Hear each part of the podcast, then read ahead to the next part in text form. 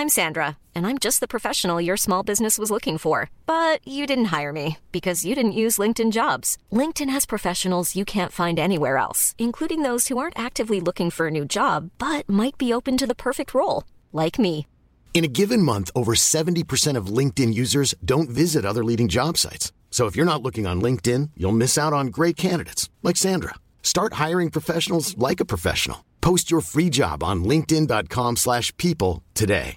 Hey Dave. Yeah, Randy. Since we founded Bombus, we've always said our socks, underwear and t-shirts are super soft. Any new ideas? Maybe sublimely soft. Or disgustingly cozy. Wait, what? I got it. Bombus. Absurdly comfortable essentials for yourself And for those facing homelessness. because one purchased equals one donated. Wow, did we just write an ad?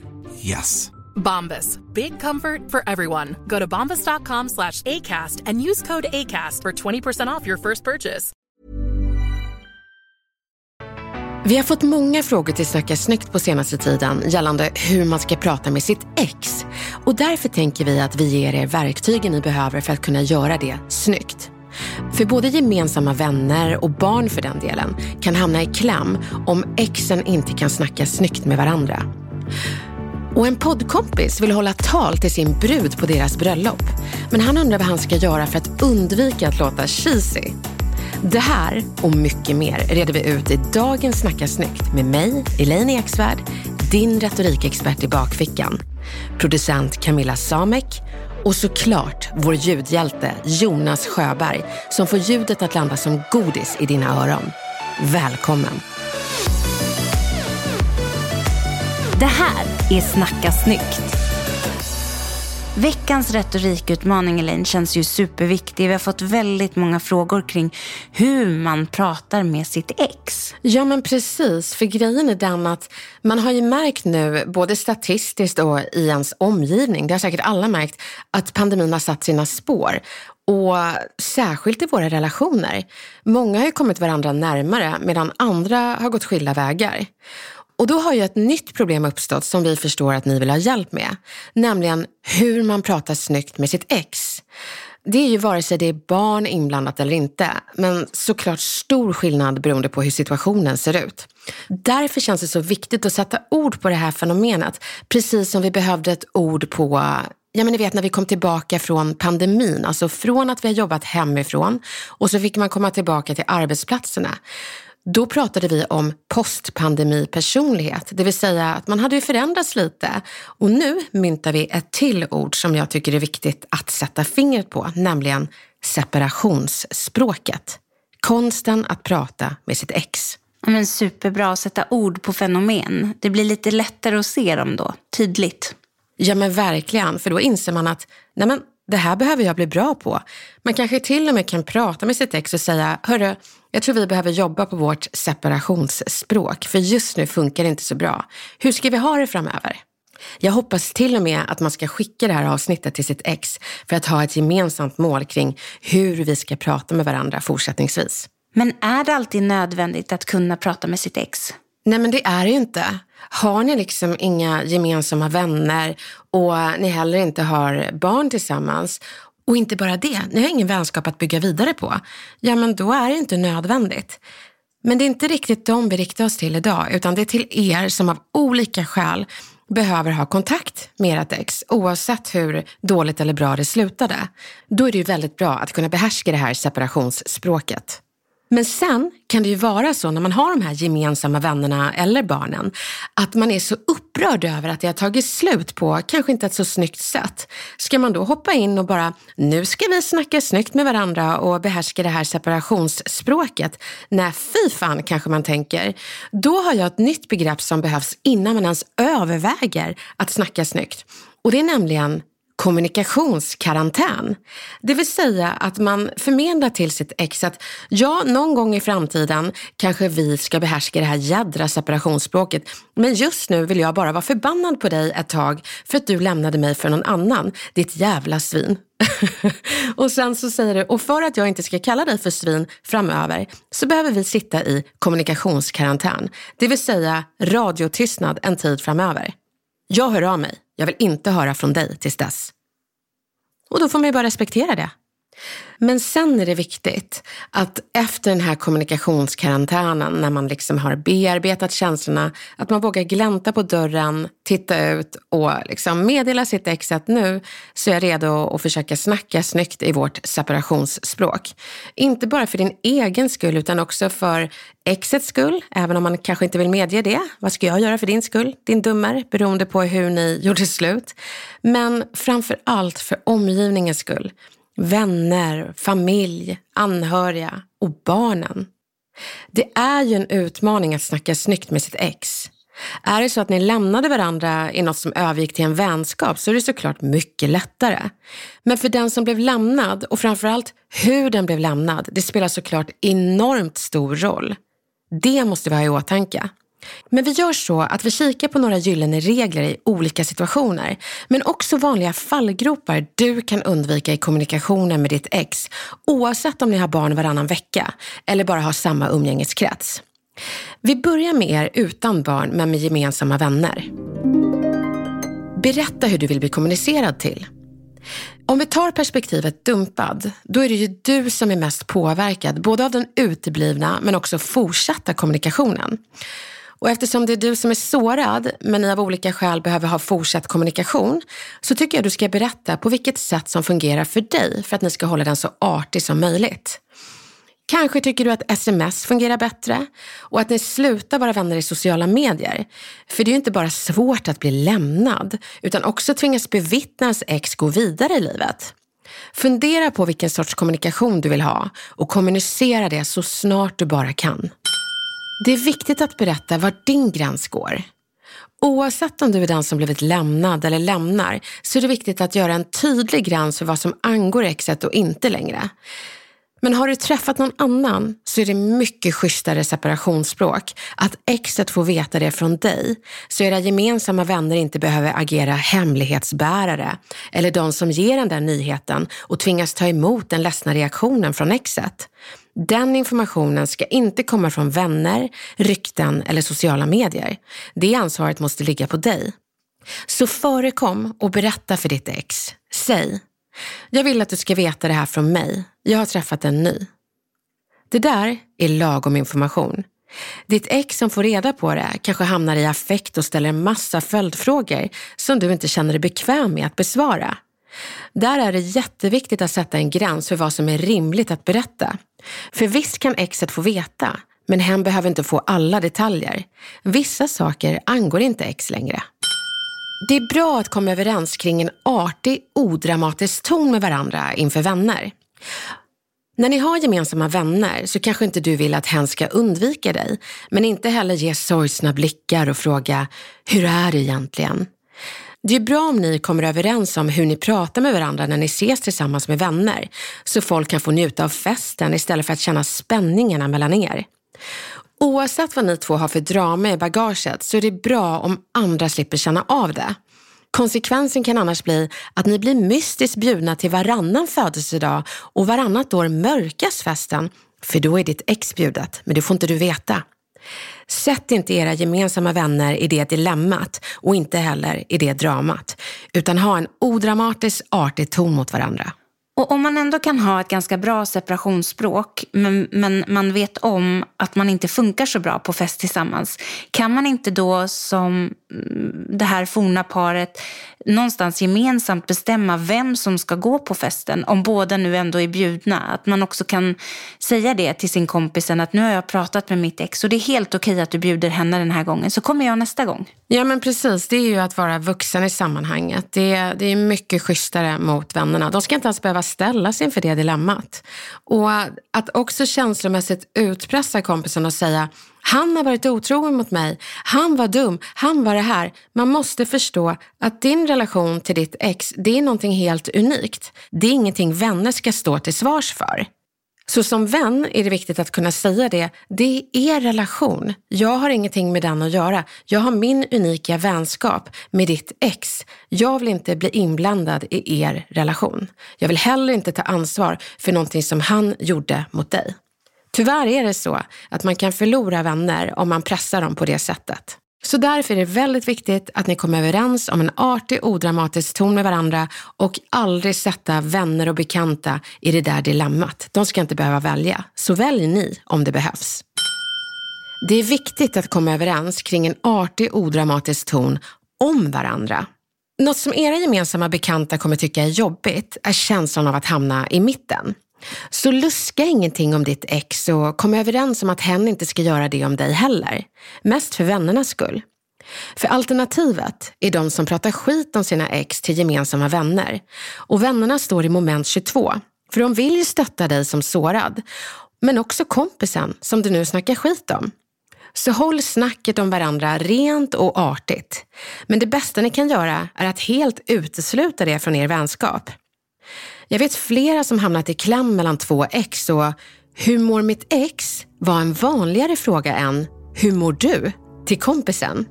Det är inte roligt att ha en vänskap som kretsar kring ett ex och man som vän känner sig som den sista länken till något som inte längre finns kvar. Undvik det.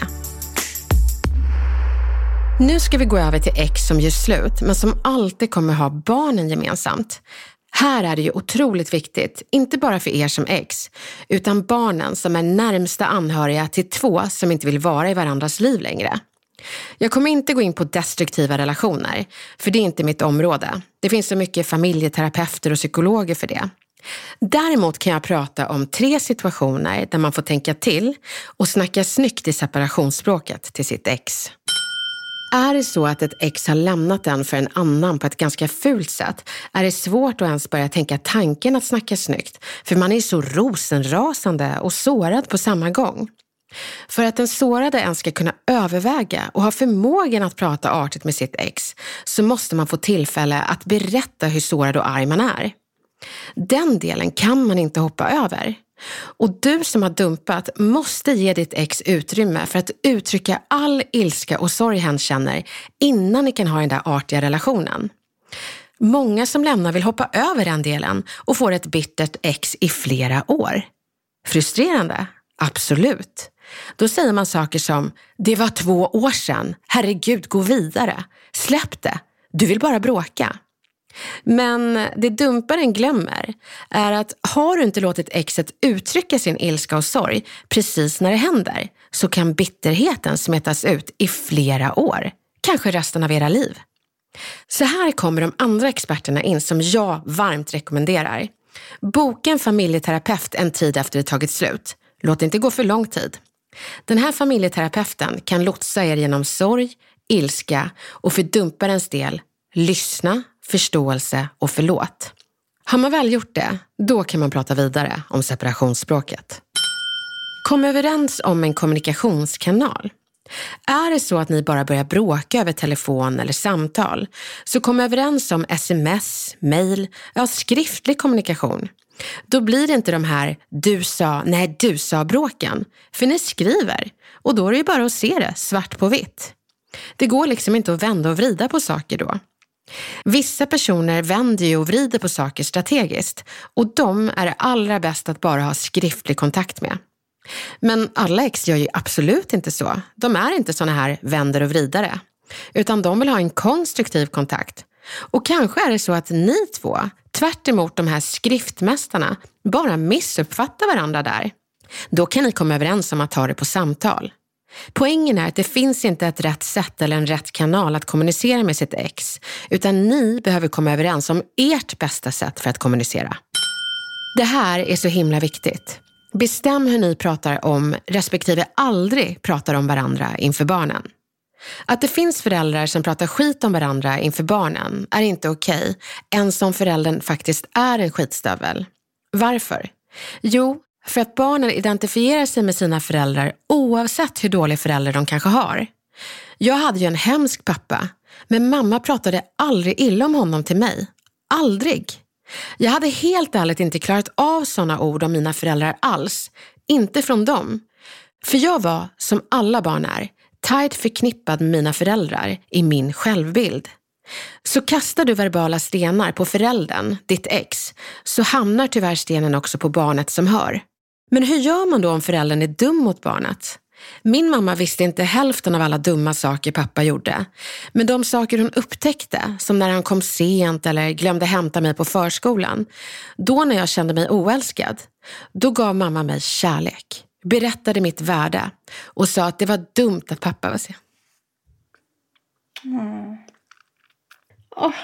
Mm. Gud vad svårt. Oh. Gud.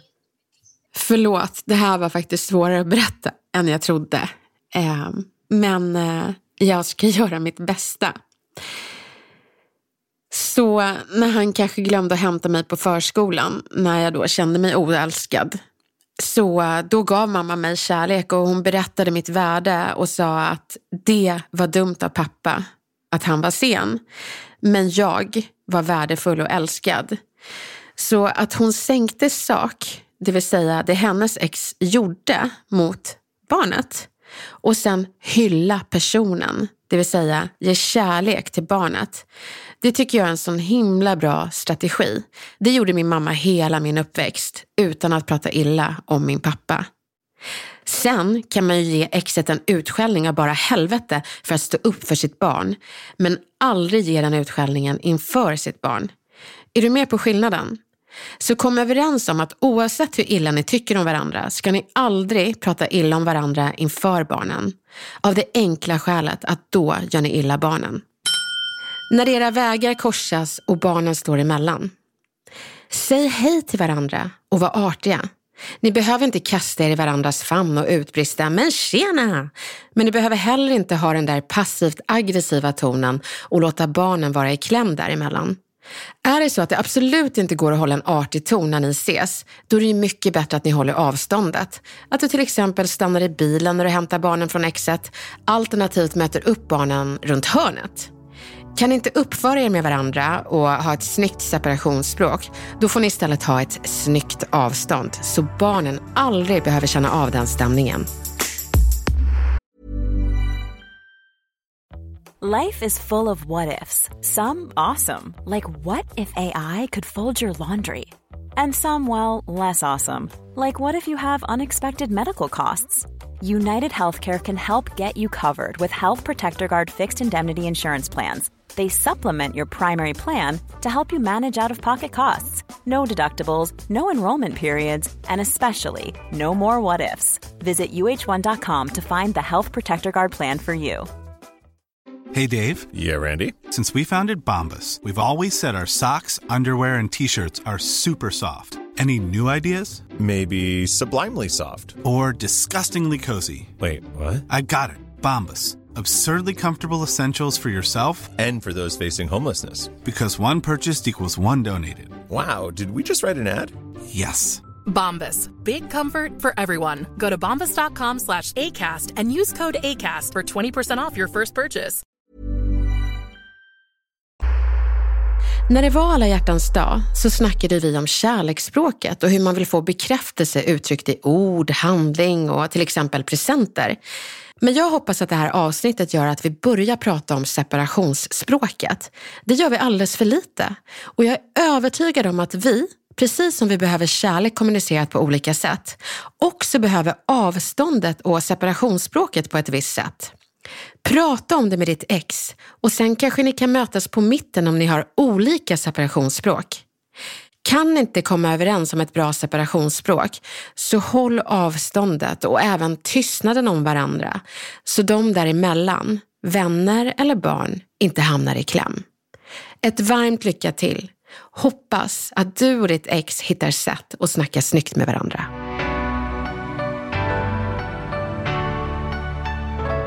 Nu Elaine har vi landat i veckans kommunikationsutmaning. Ja, läser du? Jag läser. Hej Elaine och Camilla. Jag ska gifta mig i sommar. Det blir ett enkelt sommarbröllop med våra närmaste samlade. Att hålla tal hör inte till vanligheterna för mig men nu vill jag verkligen hålla tal till min brud. Problemet är att jag tycker att allt låter cheesy och som floskler. Jag har försökt att göra det personligt och kärleksfullt och lite roligt men misslyckas verkligen. Behöver hjälp. Hur bygger jag upp ett tal till min blivande fru? Tack på förhand. Vilken rolig och annorlunda kommunikationsutmaning. Jag menar, att vara kärleksfull men inte cheesy. Var går gränsen? Jag tycker det är så fint att du vill hålla ett tal till din brud. Men eh, nu behöver vi fokusera på cheesy tänker jag, så vi behöver lite kolla upp vad det är. Det är ett engelskt begrepp och därför tycker jag att deras definition av ordet är passande. Och när man tittar på definitionen så står det trying too hard och icke-autentisk. Men cheesy, det är rätt för vissa. Det kanske är så att det är själva definitionen på kärleksspråket för vissa. Att man tycker om när man tar i från tårna och har liksom poetiska förklaringar kring sin partner. Så eh, jag skulle inte säga att det är fel. Men eftersom du, kära poddkompis, inte vill vara cheesy så ska vi försöka reda ut begreppen och vad det är. Jag tror dock att många blandar ihop det med att vara kärleksfull eller dela med sig av sina erfarenheter med personer man älskar. Och jag tänker på bröllopstalens bröllopstal. Och det var ju när prins Daniel delade med sig av något som kronprinsessan Victoria hade gjort för honom. Hon hade skrivit 30 kärleksbrev till honom. Ett för alla 30 dagar som hon skulle vara borta från honom. Var det cheesy? Nej, det var ju fint. Cheesy, det hade varit om han sa Det kom en brevduva som hade med sig 30 kärleksbrev från min kärleksgudinna i denna värld. Kolla på henne. Är hon inte vacker? Och jag tänker så här Camilla. För att låta gränsen mellan cheesy och kärleksfullt vara ganska glasklar så har jag gjort ett litet kärlekstal till dig Camilla. Åh, ser man på? Ja! Du får hojta till om det är cheesy eller bara kärleksfullt. Och reaktionen på cheesy, det är att man skruvar på sig lite. Mm. Är du beredd då? Ja, jag är så redo. Camilla, jag minns den där dagen jag raggade upp dig på Götgasbacken. Jag ville att du skulle bli min producent. Och sen blev du min. Ja, men det var ju fint. Ja, du blir inte generad? Nej, jag blev glad. Ja, men då tänker jag att jag ska göra det cheesy. Samma information men lite mer ost. Camilla, jag minns när jag gick upp längs Götgasbacken och kullerstenarna låg under mina fötter. Jag såg ditt blonda hår som glänste i kapp mot den blå himlabädden som ramade in ditt kärleksfulla ansikte. Jag vill att ni där hemma ska förstå synen. Hon log och blottade sina 24, jag har räknat dem, perfekta sockerbitar. Då visste jag att jag ville ha dig som producent till Snacka snyggt-podden. Och nu, alla ni där hemma, så är hon min. hur känns det då? Nej men alltså Elin, det är, ju, det är ju målande, fantastiskt, poetiskt. Jag hade nog bara velat gömma mig bakom en lyktstolpe eller något. ja. ja, jag vill bara vinna ett pris. Jag kan hålla det här talet. Det hade varit så himla roligt att se hur du reagerade. Sen kanske det inte hade varit jättebra för vår podd. Kanske inte jättebra. Nej, jag får fantisera det. Men gud, nu blev jag så nyfiken. Eh, jag tänker det att, eh, nog för att prins Daniel räknade antal kärleksbrev, men att jag räknade dina tänder, det, det behöver man kanske inte berätta. Men, men du, har du 24 tänder? Har man det? Nej, det har man inte. Har man inte? Hur många har du? Alltså jag tror att 28 är en bättre siffra. Oj! 28, 28. Ja, där ser du. Okej, men då tror jag faktiskt att vi börjar få lite kläm på cheesy. Så hur tycker du att vår poddvän ska hålla ett klockrent tal till sin blivande fru?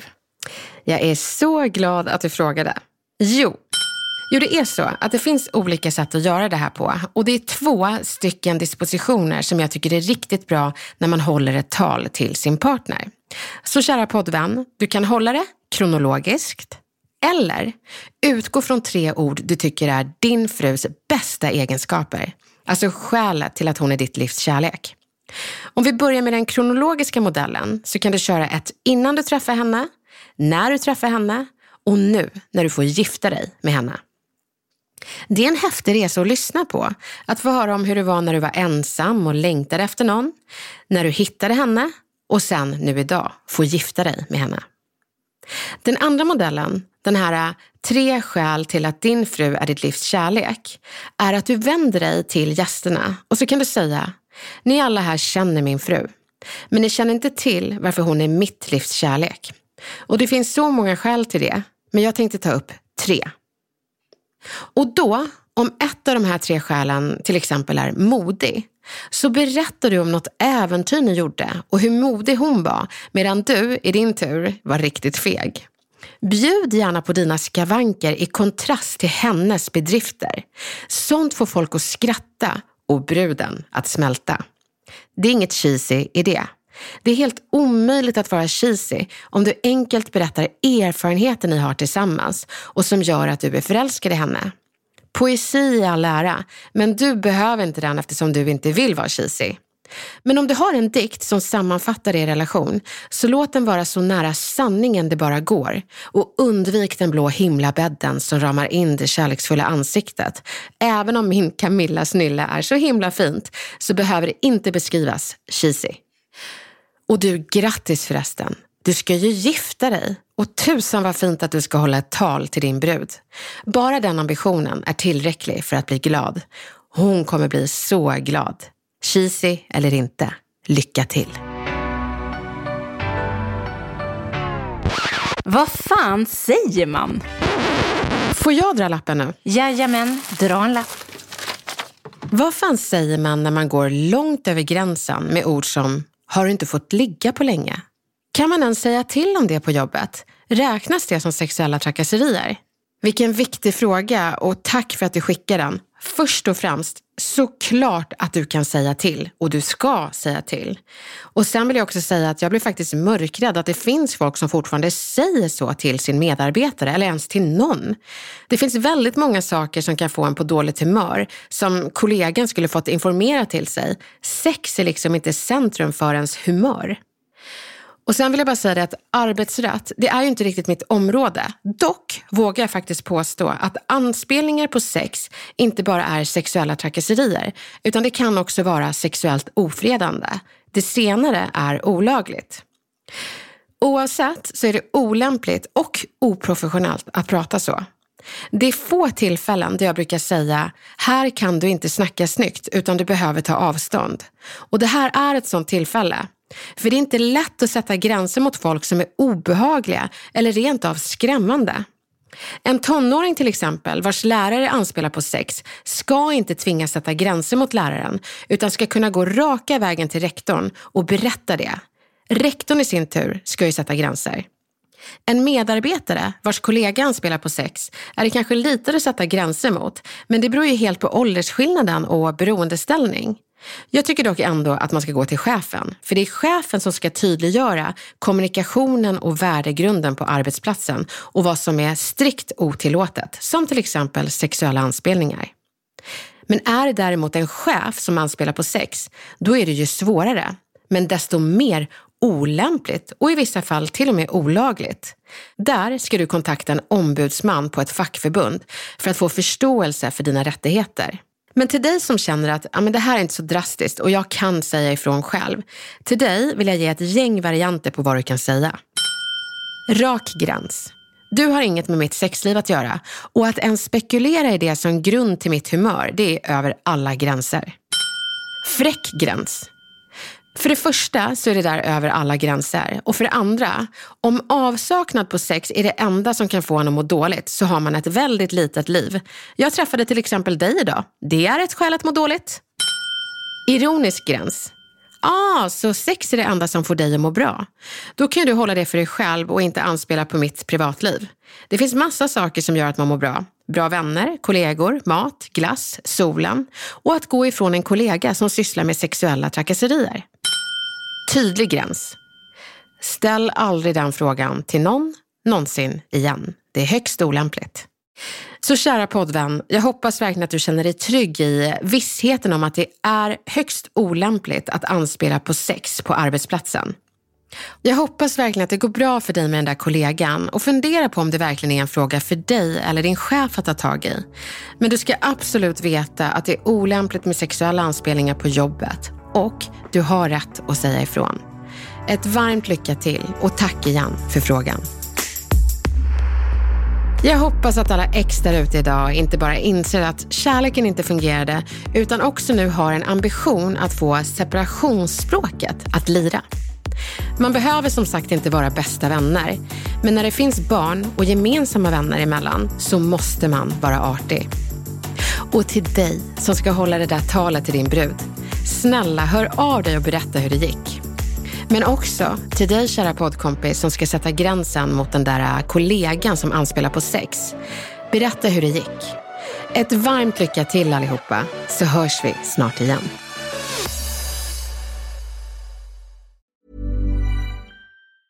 Mom deserves the best, and there's no better place to shop for Mother's Day than Whole Foods Market. They're your destination for unbeatable savings, from premium gifts to show-stopping flowers and irresistible desserts. Start by saving 33% with Prime on all body care and candles. Then get a 15-stem bunch of tulips for just $9.99 each with Prime. Round out Mom's menu with festive rosé, irresistible berry chantilly cake, and more special treats. Come celebrate Mother's Day at Whole Foods Market. Hey, it's Danny Pellegrino from Everything Iconic. Ready to upgrade your style game without blowing your budget? Check out Quince. They've got all the good stuff shirts and polos, activewear, and fine leather goods, all at 50 to 80% less than other high end brands. And the best part? They're all about safe, ethical, and responsible manufacturing. Get that luxury vibe without the luxury price tag. Hit up quince.com slash upgrade for free shipping and 365 day returns on your next order. That's quince.com slash upgrade.